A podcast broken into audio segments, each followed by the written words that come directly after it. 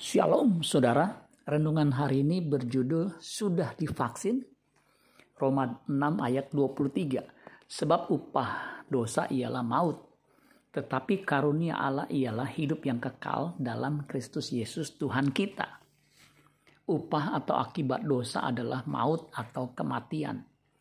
Semua orang telah berbuat dosa, karena dosa Adam menjalar ke semua orang hanya kasih karunia di dalam Kristus, manusia dapat hidup kekal.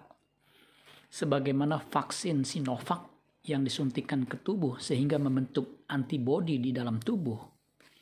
Jika virus corona datang, ia punya kekuatan untuk melawan virus yang mematikan itu. Vaksin melawan maut hanya darah Kristus.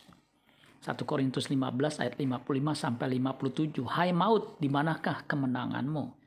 Hai maut, di manakah sengatmu? Sengat maut ialah dosa, dan kuasa dosa ialah hukum Taurat. Tetapi syukur kepada Allah yang telah memberikan kepada kita kemenangan oleh Yesus Kristus Tuhan kita.